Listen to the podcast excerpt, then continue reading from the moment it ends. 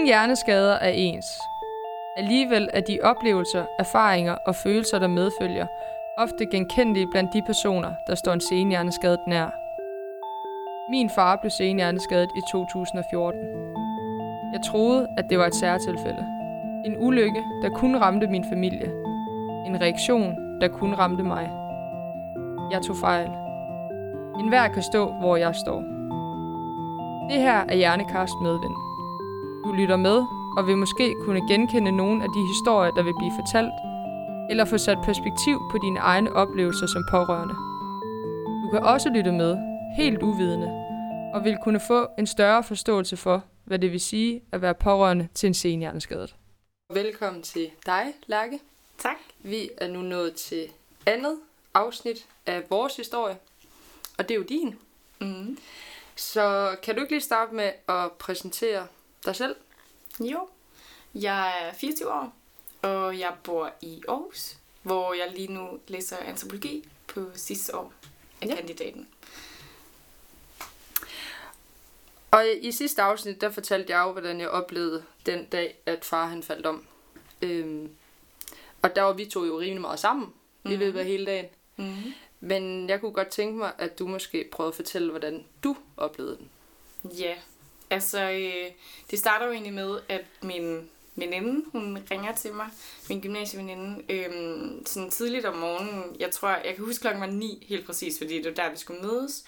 Og hun skulle hjem til mig og læse op til vores afsluttende psykologieksamen. Øhm, og så ringer hun til mig og siger bare, Lærke, der ligger en mand i opgangen, jeg tør ikke gå op. Og så tænker jeg, åh, oh, det lyder mærkeligt, eller sådan. Men der var et eller andet i mig, der sådan lidt måske havde fornemmelsen af, at øh, det kunne være far, der lå der. Øhm, så jeg går sådan, har, mens jeg har en i røret, så går jeg så ud, og så går jeg ned øh, af trapperne. Og så kan jeg mærke, eller så øh, siger så kan jeg bare huske, at det første, jeg siger, det er bare sådan, I, I, Ida, det er min far, der ligger der. Og så var hun jo sådan, åh oh, gud, åh oh, gud, hvad gør vi? Og så kom hun jo op, og, øh, og bare huske, at jeg ser far, han ligger der øh, i sådan en kæmpe blodpøl, og jeg tænker bare, eller jeg tror, jeg tænker mere rationelt, fordi jeg siger bare til Iden, øh, ring til en ambulance, vi skal have en ambulance herop. Så hun øh, går ned øh, og ringer øh, til ambulancen, og jeg sidder med far. Øh, og jeg tror egentlig, jeg prøver sådan lidt at få liv i ham, men han er sådan meget, øh, meget fjern, men han siger sådan nogle lyde, sådan lidt sådan grundelydagtigt, men han siger ikke nogen ord eller noget, og han åbner ikke øjnene. Så jeg sådan sætter mig ned øh, og tager hans hoved, jeg kan bare se, at han, ja, jeg går jo bare ud fra, at han er faldet og slået hovedet, fordi der er sådan en kæmpe flænge i panden, hvor det bare strømmer ud med blod, og jeg sidder bare oven i det der blod, men så er jeg sådan, okay, hvad gør jeg? Øh, og inden jeg får fat på Ida for at finde ud af, hvad, hvad der ligesom sker med ambulance og sådan noget, så løber jeg op i lejligheden og tager en balje og en klud, og så går jeg ned, øh, og sådan vil du ham sådan på panden, men så begynder, så kan jeg huske, at han sådan for første gang siger noget, og så siger han sådan, au, au, og så er sådan, øh, gør det ondt? Hvad, hvad, hvad er der sket? Og sådan noget, prøver at finde noget ud af ham, men så er det ligesom, om han bare bliver væk igen. Øh, og så, altså det går bare rimelig hurtigt derfra, fordi så lige pludselig, øh, så kommer Ida så op igen i opgangen med ambulancefolk, øh, og de får så, jeg, jeg er ikke helt sikker på, hvordan det ligesom forløber, men øh, han kommer, far kommer op og stå, og der tænker jeg bare, nå, så, så at, hvad, han kan godt stå, det er fint. De snakker ikke rigtig med ham, tror jeg, men de meget spørger sådan, hvad er det din far, og hvad hedder han? og sådan noget, så de snakker sådan meget til ham og siger sådan sten, og, og jeg tænker bare, okay, det er virkelig mærkeligt det her, så spørger jeg så, om jeg skal køre med de der ambulancefolk, og de siger bare, nej, de, de tror egentlig, at din far han er oppe at stå, så de vil bare køre ham op lige og tjekke ham, fordi det ser ud som om, han bare har fået et slag i hovedet. Så øh, mig og Ida, vi aftaler, at øh, vi går op i lejligheden, hvor vi så lige vil få fat på dig, tror jeg først, vi aftaler. Øh, men så kommer vi op i lejligheden, og du ligger og sover. Mm. Øh, og så tænker vi, okay, det, min far er faldet, hvad gør vi lige der? Okay, vi går ned, øh, og vi køber ind til noget morgenmad for at gøre det sådan lidt hyggeligt. Altså når vi lige skal fortælle dig det her, hvad der er der skete. Ikke at vi tror, det er noget mega alvorligt, fordi de her ambulancefolk siger, de skal bare lige op og tjekke hans hoved. Og så... Øh, jamen, det ligger faktisk, det er faktisk vildt svært egentlig at sådan genkalde, hvad der, er, der sker den dag, fordi jeg kan ikke huske om... Jeg kan slet ikke huske, fordi nu ved jeg jo godt, at du har fortalt, at, at du ringer til mig, mens jeg er ude at købe ind til den her morgenmad, men den samtale kan jeg slet ikke huske. Nej. Men så må vi jo være kommet tilbage og spise det her morgenmad, og så, øhm, ja, det er jo så der, vi stadig bare går ud fra, at far han er bare oppe og blevet tjekket. Og så er det, at vi får snakket med sygehuset deroppe, øhm, og de siger, at vi nok skal komme derop. Og der kan jeg huske, der er vi sådan lidt, nå okay, fint nok, vi tager derop, og vi øh, tager bilen, og så siger jeg, skal vi ikke købe nogle guldkarameller med til far, fordi det er hans yndlingsslik, og dem skal han have, så får han lidt en god dag, selvom han er faldet, så kan han komme hjem og spise guldkarameller. Øh, så vi køber guldkarameller, vi kommer derop, og så er det, at vi kommer ind på den her afdeling, intensiv, tror jeg næsten, han ligger på. Ja, ja det, altså det er der, han er kommet op. Ja, men altså- vi kommer jo hen, altså vi starter jo med at gå ind i skadestuen, fordi det var jo det, vi havde fået at vide. Nå ja, ja, det er rigtigt. Og så, for, ja, så er de sådan lidt, hvem, og han var ikke der og sådan mm. noget. Det er sådan lidt forvirrende, det kan jeg faktisk godt huske. Men så er det jo så, at vi får at vide, at han ligger op på den afdeling, og så kommer vi derop, og den overlæge, der tager imod os, øh, som så skal snakke med os. Og så er det, vi bliver hævet ind på det der kontor, og så tænker jeg, jeg, står, jeg kan huske, at jeg står og kigger ned på de der guldkarameller og tænker sådan, hvad, hvornår, skal, hvornår skal vi give dem? Eller det var sådan det, jeg tænkte, hvornår skal vi give dem? Hvornår kan vi give far de guldkarameller? Øhm, men ham der overlægen, jeg er ikke engang sikker på, hvad det er, han siger til os. Eller sådan. Jeg tror bare, jeg kan huske, at vi så lige pludselig er på vej ind, og du der er alt det der bøvl med det der mundbind der. Og du, ja, Jeg bliver ked af det. du bliver ked af det. Allerede der. Ja, men så er det, vi kommer ind til far, og så kan vi se, at han ligger med alle de der slanger og sådan noget, og jeg kan se, at du bliver vildt, vildt, vildt rørt af det, og bliver virkelig ked af det. Så jeg, ja, jeg kan bare huske, at jeg tænker, Silke, du skal ikke græde, eller nu rolig, og vi får styr på det her og sådan noget. Øhm, jeg tror egentlig ikke, jeg kigger så meget på far. Jeg tror mere, sådan, okay, vi skal lige have styr på, hvad der skal ske. Øhm, jeg ved ikke, jeg tror ikke, vi står så lang tid. Så går vi ud, og så får vi fat på, du får fat på Mille, og jeg kan huske, at jeg snakker med vores onkel, øh, og lige fortæller, fordi jeg kan huske, at overlægen jo siger, at det faktisk er ret slemt, og vi skal have fat på de nærmeste. Så det er jo bare, det er det, der sker, og så kommer Mille jo fra Langvejs fra med hendes kæreste, og vi kommer senere hjem til vores lille søster, øh, hvor vi kan fortælle hende, hvad der er, der er sket. Men det var sådan en meget underlig, altså sådan virkelig underlig måde, det skete på. Det der med, at det går fra, at man egentlig bare tror, at han har slået hovedet, og så at, gud, men jeg, jeg altså, når jeg tænker over det, så tror jeg også, at jeg var sådan lidt, altså fordi jeg sad jo med ham der med alt det der blod og sådan noget, og jeg tror bare, at jeg tænkte, jeg synes, det var vildt mærkeligt, at de der ambulancefolk bare sådan sagde, at nej, nej, vi går bare op og tjekker ham, fordi jeg siddet i den der pøl af blod, som jeg sad, og jeg kan huske, at jeg sådan efter sad med kluden og viskestyk, og sådan vred det op i baljen bagefter, fordi der bare var så meget. Øhm, men jeg tror ikke engang, jeg synes, det var ulækkert. Jeg tror bare, jeg tænkte, det skulle bare væk, og det skulle vi have styr på, og ned og købe morgenmad, og bla bla bla. Men, ja. Og da du laver det her øh, opkald til vores onkel, mm. altså, hvordan formidlede du det til ham? kan du huske det? Nej, overhovedet ikke. Nej. Det ved jeg ikke. Jeg kan huske, vi står ude for en, altså sygehuset i hvert fald. Ja. Altså, jeg tror egentlig, jeg får formuleret meget klart, at øh, ligesom, hvad er situationen, og om han har mulighed for at komme til Randers, fordi vi skal finde ud af, hvad der er, der skal ske. Jeg tror egentlig, jeg er meget sådan tydelig i, hvad der er, der sker. Og så, altså den... Det kommende stykke tid. Nu siger du, du studerede til en eksamen mm. med din veninde. Ja. Det var jo sommeren, hvor du blev student, alt det her. Ja, det var det. Og jeg tror også, det er derfor, altså, vi ved jo, at vi altså ligesom håndterede det her meget forskelligt. Jeg, øh, det var jo, jeg gik i 3.G, og det var lige midt i hele, ja, alle studentereksamener og sådan noget. Øh, og det var også derfor, der var min studievejleder, og alle de lærere, jeg ligesom, de fag, jeg skulle til eksamen i, de kontaktede mig og var sådan, det er okay, hvis du bare tager reeksamen til august, fordi vi forstår i situationen, og hvis du har lyst til at udsætte det. Men jeg tror, jeg fokuserede meget på, at jeg ville bare gennemføre det.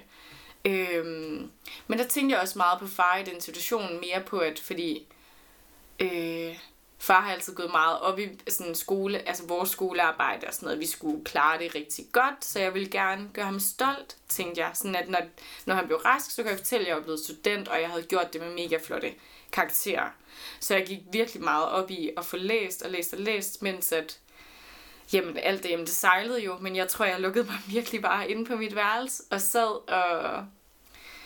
Ja, det blev min egen lille verden, med at jeg skulle bare øh, klare de her eksamener så godt, og jeg skulle bare læse så meget op til dem. Øhm, og jeg, jeg kan egentlig ikke huske, at jeg har snakket med jer, altså i de uger der, eller sådan, øh, om hvad det var, der skete, og hvad der skulle ske. Jeg tror bare, jeg lukkede mig inde, sådan bogstaveligt talt. Det gør jeg virkelig.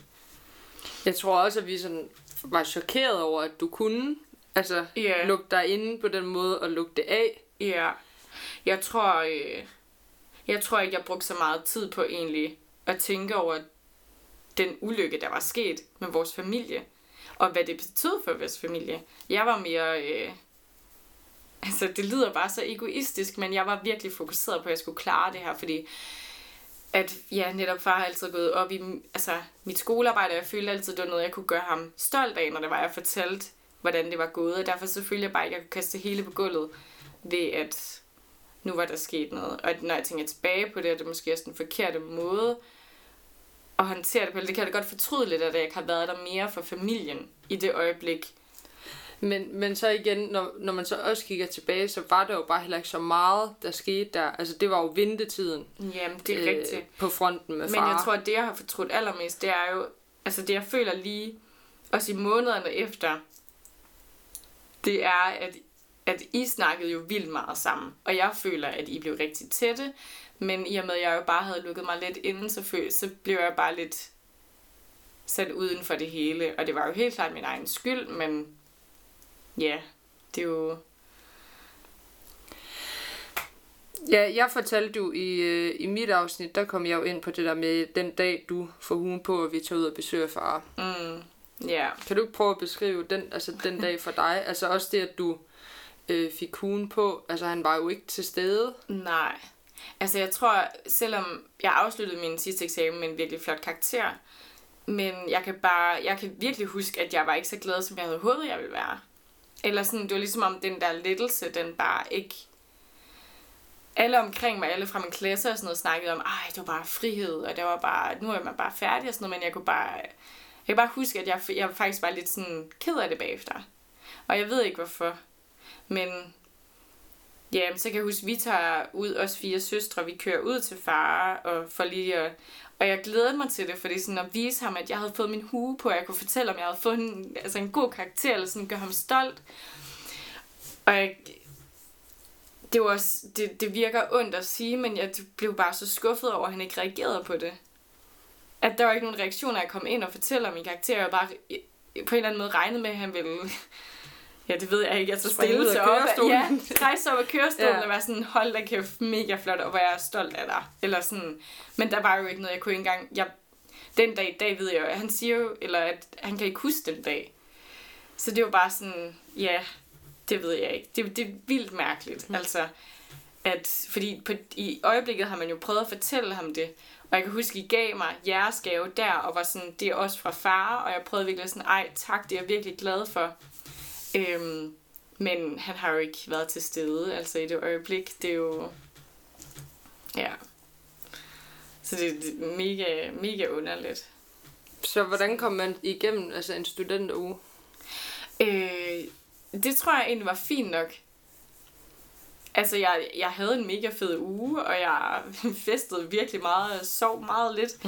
øhm, men det ved jeg heller ikke sådan set tilbage på, om det var lidt en måde bare... En, altså, fordi så havde jeg jo ikke mine studier mere at lukke mig inde med, men så havde jeg min studenter uge og, og trække mig lidt tilbage med fra jer, fordi at jeg tror også lidt det der med, at den der lettelse, der ikke ramte mig, det var sådan, så så jeg lige pludselig i øjnene, at jamen, nu var det jo så jer, eller nu var der familien, jeg kunne fokusere på, eller sådan, nu var det bare det, og hvad skulle der så ske? Men ja, så havde jeg bare en vild, nogle vilde uger. Mm.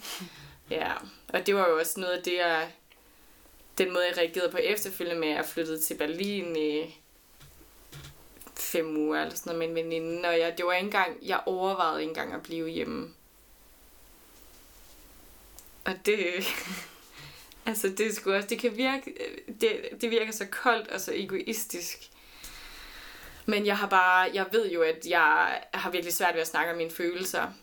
Øhm, så jeg tror, i stedet for at snakke med jer om det, og snakke med mine veninder om det og sådan noget, så tog jeg sgu bare derned, og så... Ja... Yeah. Så er det bare væk fra det hele.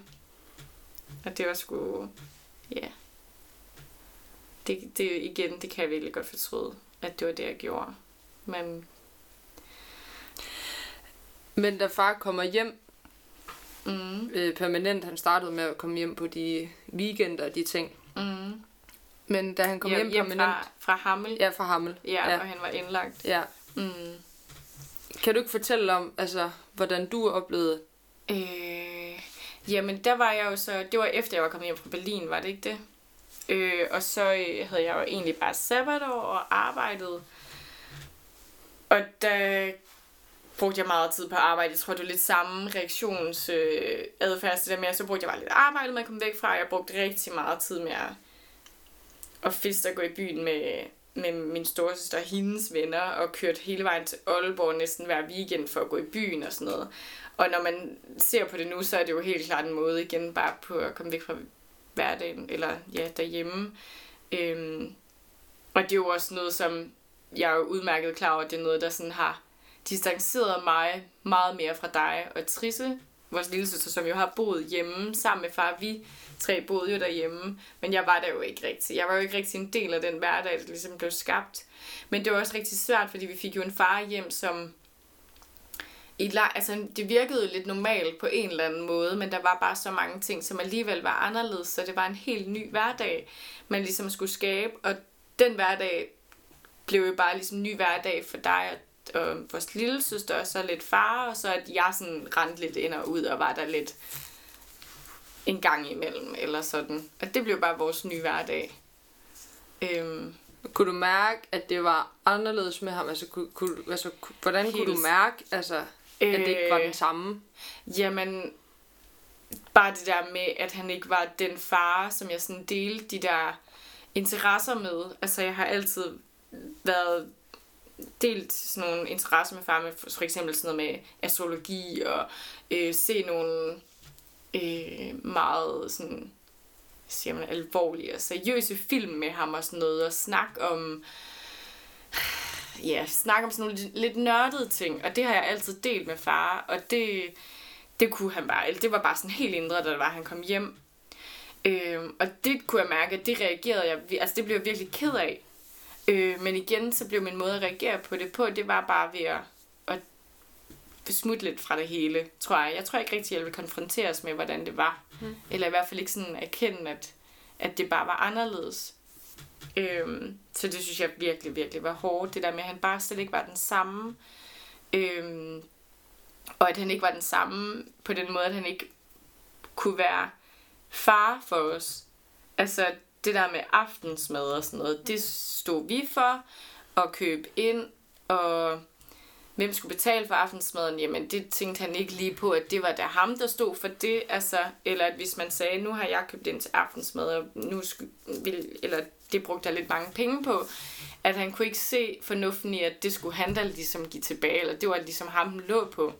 Altså det er jo også der, han er ramt meget øh, med sygdommen, at, at det forstår han ikke rigtigt. Og det er også derfor, vores hverdag blev ændret så meget. Altså sådan, Der var jo bare en masse frustrationer på alle fronter. Altså, Ja, vi men- havde dem mod ham, men man kan jo bare heller ikke lade det gå ud over far, fordi man, det var jo ikke hans skyld. nej, altså, lige præcis. Og det, det, det er jo det, der var så svært. mm, Fordi man kunne godt blive mega, mega sur over, at helt ærligt, er du ikke den voksne i hjemmet? Er du ikke den, der skal stå for at købe ind? Og, og det var bare, det var så underligt, at når man var ude at købe ind, at man var den, der skulle... Det var jo ligesom at købe ind med et lille barn. Fordi han blev jo øh, forstyrret, eller sådan... Så kiggede han på en... Vi skulle have mælk. Men på vej hen til mælken, der var der 20 ting, som fangede ham, og som han skulle stå og kigge, og skulle man bruge det, og nej, det har vi da, vi har jo ikke brug for det, eller sådan, men det tog bare så lang tid, og det var ligesom om at have et barn på slæb, man var sådan, kom nu, det var det her, vi skulle have, og altså sådan, og så tror jeg også bare, man var sådan lidt til sidst, at det, tager 5 minutter for mig at handle ind, men det tager 45 minutter, snilt en time at have far med. Så man skulle virkelig tage sig sammen og samle mm. kræfter. Øhm, og jeg kan bare... Altså, man blev bare så ked af det. Man blev så rørt over det. Øhm, jeg kan godt huske, når man har været ude at handle med far, fordi man var sur på ham nærmest fra, altså sådan, når man nåede halvdelen af indkøbsturen, så blev man mega frustreret. Yeah. Og jeg kan, sådan, jeg kan huske de gange, man har kørt ind med far, hvor at, når man så har betalt, og man gik øh, hjem i, i mørket måske med de der poser, mm. der var flere gange, hvor jeg græd, altså, yeah. mens vi gik der. Fordi yeah. så fik jeg det så dårligt over, at, at hvordan kunne man blive sur yeah. på ham? Ja, men jamen det der med, så bliver man, man for dårlig samvittighed. Helt vildt. Fordi han kunne jo ikke gøre for det. Nej. Og jeg tror, det er jo bare, hvordan skal man håndtere det? Fordi, altså, det er så forfærdeligt, det der med, at man i momentet, så tænker man jo bare, ej, hvorfor er du ikke bare ligesom den far, der går derover med sit barn, der styrer det hele og ved, hvad vi skal have. Hvorfor er det mig, der skal være den... Hvor, ja, hvor, ja.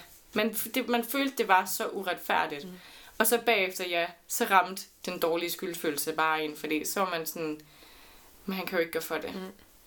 Og det kunne han jo virkelig ikke. Altså, ja.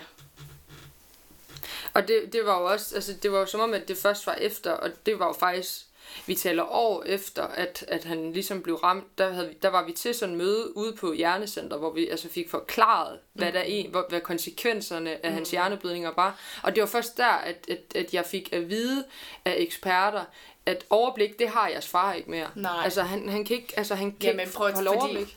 Ja, det var jo fuldstændig, det var jo, kom jo som et kæmpe chok, ja. da vi fik ham hjem.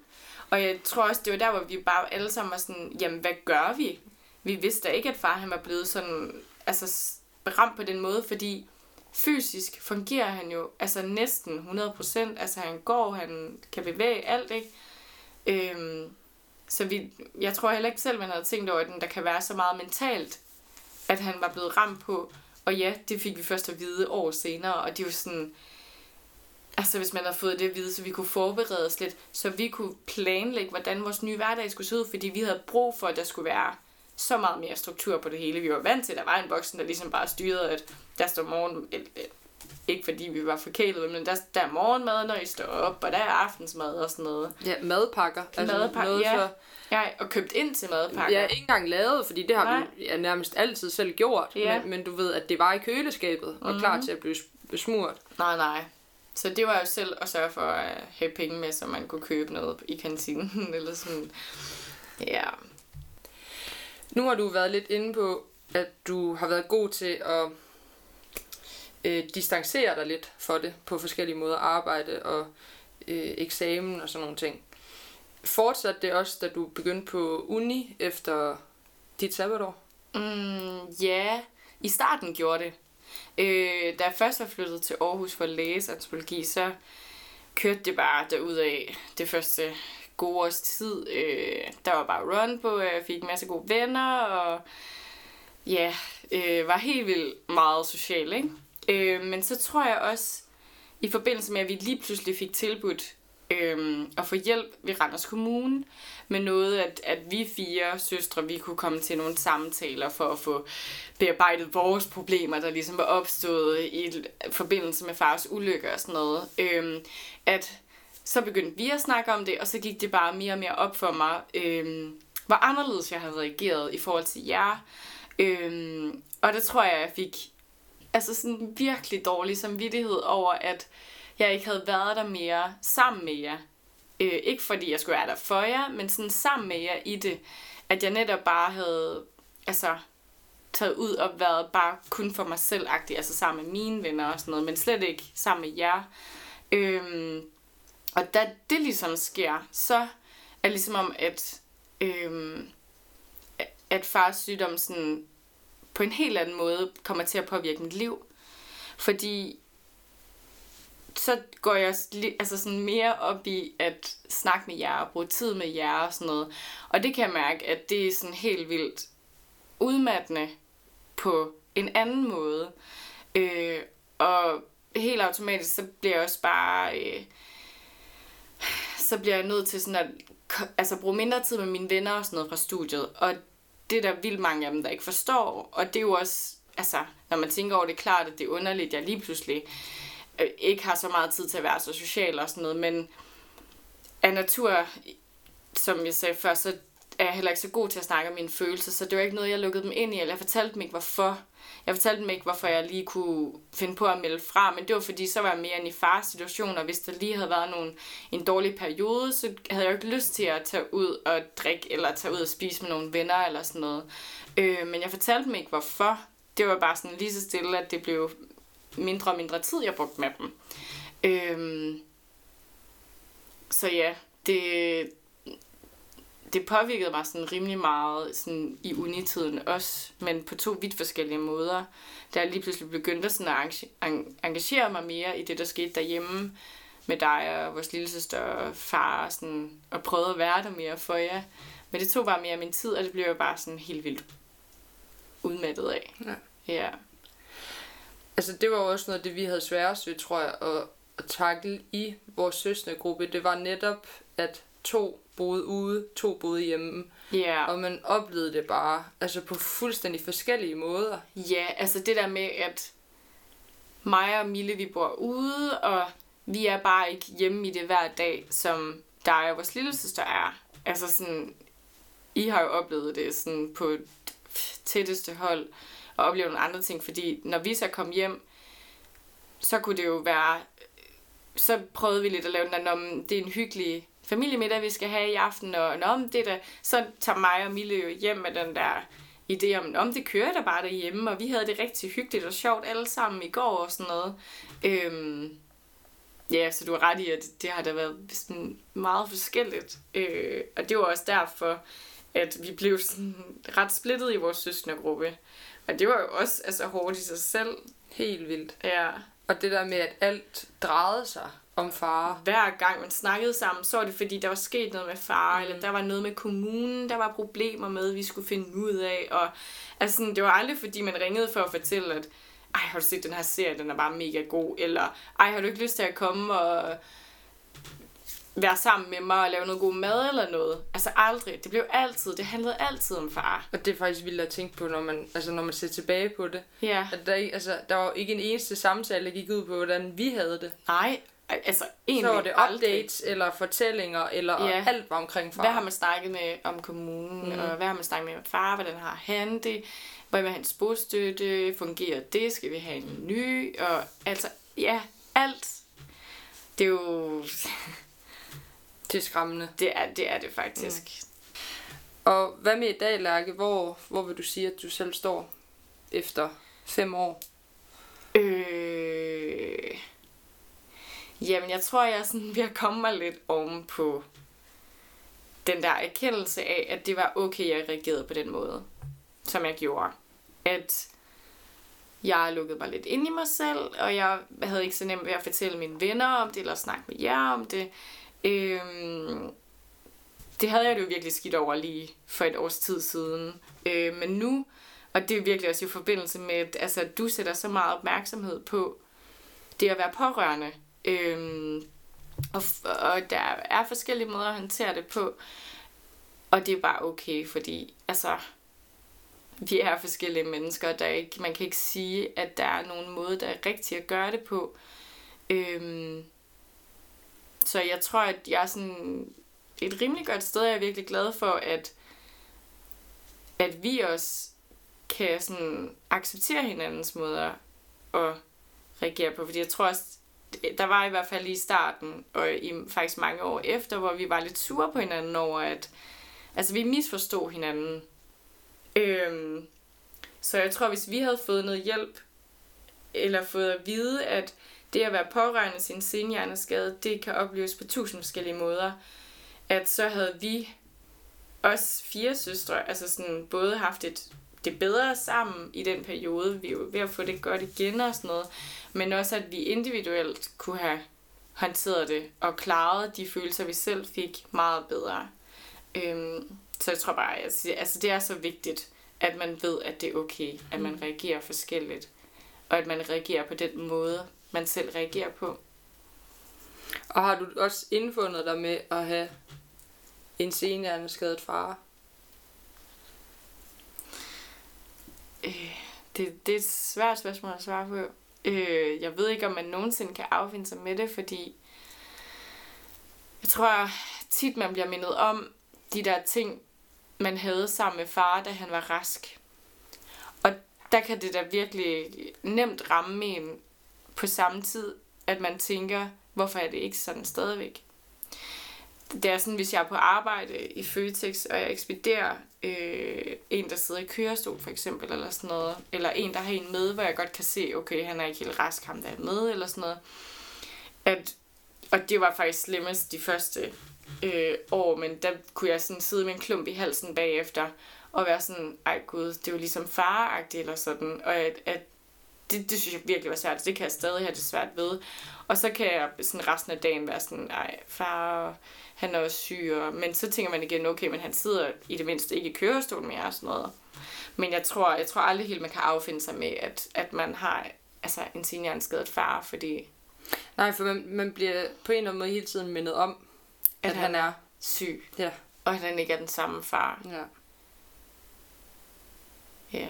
Men altså... Sådan at det... Eller det er jo også, det er jo også underligt at sige, ja. men... Ja, ja. Men jeg vil det... sige, altså han er jo også, altså vi har, når, fordi det bliver meget dybt lige pludselig, og så sidder man sådan helt og synker ned i, i, mm. i det, ikke? Men vi har jo også helt vildt mange altså, sjove nye minder, vi har skabt med, altså den far er blevet efterfølgende. Ja, det er rigtigt. Altså det må man jo heller ikke glemme. Nej. Han er jo ikke, det er jo ikke fordi, at vi ikke har en far. Nej. For det har vi. Øhm, det er bare de der enkelte øjeblikke, eller små ting, som sådan helt overraskende kan minde en om, hvad det var, man havde engang. Øhm, og det kan også være farligt at blive ved med at sådan konstant dvæle ved sådan nogle ting, men ja, yeah, jeg, jeg priser mig virkelig lykkelig over, at, øh, at far han er, hvor han er i dag, og at vi har ham, og at han kan tale, og han kan gå, og vi kan fortælle ham ting, og han kan fortælle os ting, og at vi kan dele vores liv med ham, fordi der er ingen, jeg er aldrig nogensinde i tvivl om, at han stadig ser os som hans elskede små piger. Altså, det... Det gør han. Ja. Tak, Lærke. Det var... Det lyder så mærkeligt, men det var dejligt, at du delte det, fordi igen, altså lige nu der går det bare op for mig, hvor lidt vi har snakket om forløbet med far. Ja. Men det er jo igen det der med, at, at vi reagerede forskelligt, og, ja. og vi ikke rigtig snakkede om det dengang. Så hvor svært man end kan have det med at tale om sine følelser, eller sådan, så vil jeg virkelig opfordre til, at man prøver at snakke med nogen. Altså, det behøver jo ikke være alle, men få venner om det, fordi det har jeg jo også kunne mærke nu, når jeg begynder at snakke rigtig meget med dig, Silke, om det. Altså sådan, det hjælper bare at komme ud med det, og øhm, det skal man sgu ikke gå med selv. Det bryder en fuldstændig ned. Mm. Øhm, og for at være ærlig, så ved jeg da ikke, hvis ikke vi var begyndt at snakke om det, ville jeg så bare blive ved med at gå ind, altså have det inde i mit eget hoved, og blive ved med selv at prøve at skulle håndtere det og gøre op med mig selv, hvad det er rigtigt at gøre, i stedet for egentlig bare at tage snakken, fordi man har vildt forskellige perspektiver på tingene, og det hjælper jo altid at få andre øjne på, på sagen. Ja. Det er det. Så det, det er virkelig kudo til den her, altså det her netværk, du har så sat i stand. Det er virkelig, det er vigtigt. Jeg er helt vildt glad for, at du har været så støttende omkring alle de her idéer, der nok har virket lidt skøre fra start af. øhm, og rigtig glad for, at du vil medvirke til netop at sætte, øh, undskyld, sætte fokus på, hvor vigtigt det er at belyse, at man kan håndtere den samme situation forskelligt. Mm. Og i næste afsnit, det bliver det sidste, og det er jo så vores storsøster, Mille, der vil fortælle hendes oplevelse og hendes bearbejdelse af, af det med vores far. Mm. Så tusind tak, Lærke. Selv tak. Denne podcast er lavet i samarbejde med Hjerneskadeforeningen. Jens Michael Østergaard er klipper og komponist. Mit navn er Silke Møller Nielsen, og jeg er vært og tilrettelægger på Hjernekast Medvind.